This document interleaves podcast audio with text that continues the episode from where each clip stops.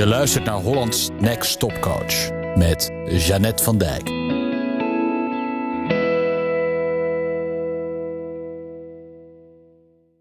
Als ik een beetje naar links kijk, dan zie ik een kaart ingelijst in een zwart lijstje die ik heb gekocht bij Museum Voorlinden. Als je daar nog nooit bent geweest, ga er een keer naartoe. Het is geweldig. Het is een kaart van een schilderij van iemand die in een rode zwembroek bijna aan het einde staat van een duikplank. Hij staat kromgebogen met zijn handen vooruit, je weet wel, in zo'n duikhouding. Ik kijk daar vaak naar als ik iets moet doen wat ik spannend vind. En dan denk ik, springen. Want ik weet dat daar lang blijven staan, dat heeft geen zin. Dan ga ik het alleen maar spannender vinden. Een andere optie is teruglopen, maar ja, dan ben ik niet gekomen waar ik wil zijn, want in dat water wil ik zijn. Zo kan het ook gaan met je klanten. Je klanten zijn soms, doen, moeten soms ook spannende dingen doen. En die staan als het ware klaar in de duikhouding op die duikplank en ze springen niet. Wat kan jij dan doen? Nou, vandaag wil ik je twee dingen meegeven die uh, gaan over angst en die je klant ook kunnen helpen en waarbij jij je klant dus ook kan helpen. Een van de dingen van angst is dat angst verdwijnt als we het doorstaan. Je bent bijvoorbeeld op een netwerkbijeenkomst en je houdt helemaal niet van netwerken. En je bent daar vijf minuten en je kijkt om je heen en je hebt je vijf minuten echt, echt, echt opgelaten gevoeld. Want niemand ziet jou, niemand ziet jou staan. Je weet gewoon niet wat je moet doen. Je staat maar een beetje op je telefoon te kijken, maar dat is ook weer zo raar. Dus je haalt nog maar wat te drinken en je denkt, nou, ik ga mooi naar huis. En als je naar huis gaat, dan ben je opgelucht dat je dat hebt gedaan, want gelukkig ben je daar niet meer. Maar de volgende dag heb je toch een beetje spijt, want wie weet welke mooie ontmoetingen je had kunnen hebben op die netwerkbijeenkomst. En je was er niet naartoe gegaan om met al je visitekaartjes nog in je tas weer thuis te komen. Wat er waarschijnlijk was gebeurd als je was gebleven, dan was je waarschijnlijk iemand tegengekomen met wie je wel een heel leuk gesprek had. Dan had een, een bekende je geroepen, kom even hierbij staan. Of dan was je zelf zo moedig geweest om bij een tafeltje te gaan staan waar best leuke mensen een best leuk gesprek leken te hebben.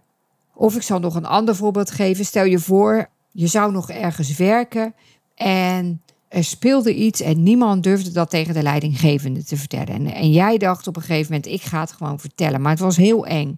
Dus je loopt naar die kamer, je loopt naar die kamer en hoe dichterbij je komt, hoe dichterbij je komt, hoe, hoe enger het wordt en hoe meer spanning je voelt in je lijf. En, en je kan nu teruggaan, dan heb je het niet gedaan en dan, dan glijdt die spanning weer weg. Maar juist op het moment dat die spanning het hoogste is, namelijk als jij op die deur klopt en binnenstapt, dan verdwijnt je angst. Want je lichaam en je geest, dat is eigenlijk wat ik wil vertellen, kunnen maar een bepaalde hoeveelheid spanning aan. Op een gegeven moment gaat het weer weg. Ik had ooit een klant en die wilde weggaan bij de vriend. Daar twijfelde ze heel erg over. En op een dag had ze het gedaan. En nou, ze was dat weekend met een vriendin geweest en ze sliep bij haar ouders en het ging allemaal best goed. Tot ze op zondagavond of zo een soort paniekaanval kreeg en dacht, ik ga terug. En toen was ze teruggegaan. En ik weet zeker dat als ze was gebleven, dat het maandag of dinsdag beter was gegaan. Dat ze dan het grootste dal gehad had. Omdat je lichaam gewoon en je geest niet meer aan kunnen dan dat. En we hebben de neiging om dan te stoppen, om dan terug te achteruit te lopen op die duikplank. En die neiging hebben jouw klanten ook. En dan doen ze het niet. En dan zijn ze niet van A naar B gekomen, maar weer terug bij A. En het heeft even opluchting gegeven op de korte termijn, maar op de lange termijn helpt het niet om terug te gaan. En ga je dus door die angst heen en dan wordt die dus gewoon minder. Je kan het zien als een berg waar je op gaat. Nou, je loopt die berg op, je loopt die berg op en helemaal met je skis op je rug en helemaal op de top. En dan ben je daar en, en vlak voor de top denk je nog, nou ik ga weer terug, want het wordt niks. Nou en dan ga je op je skis die bergen af en je angst glijdt ook van je af en je bent over die berg heen. Dus dat is één ding. Je moet eigenlijk door het hoogtepunt van die angst heen en dan wordt het minder.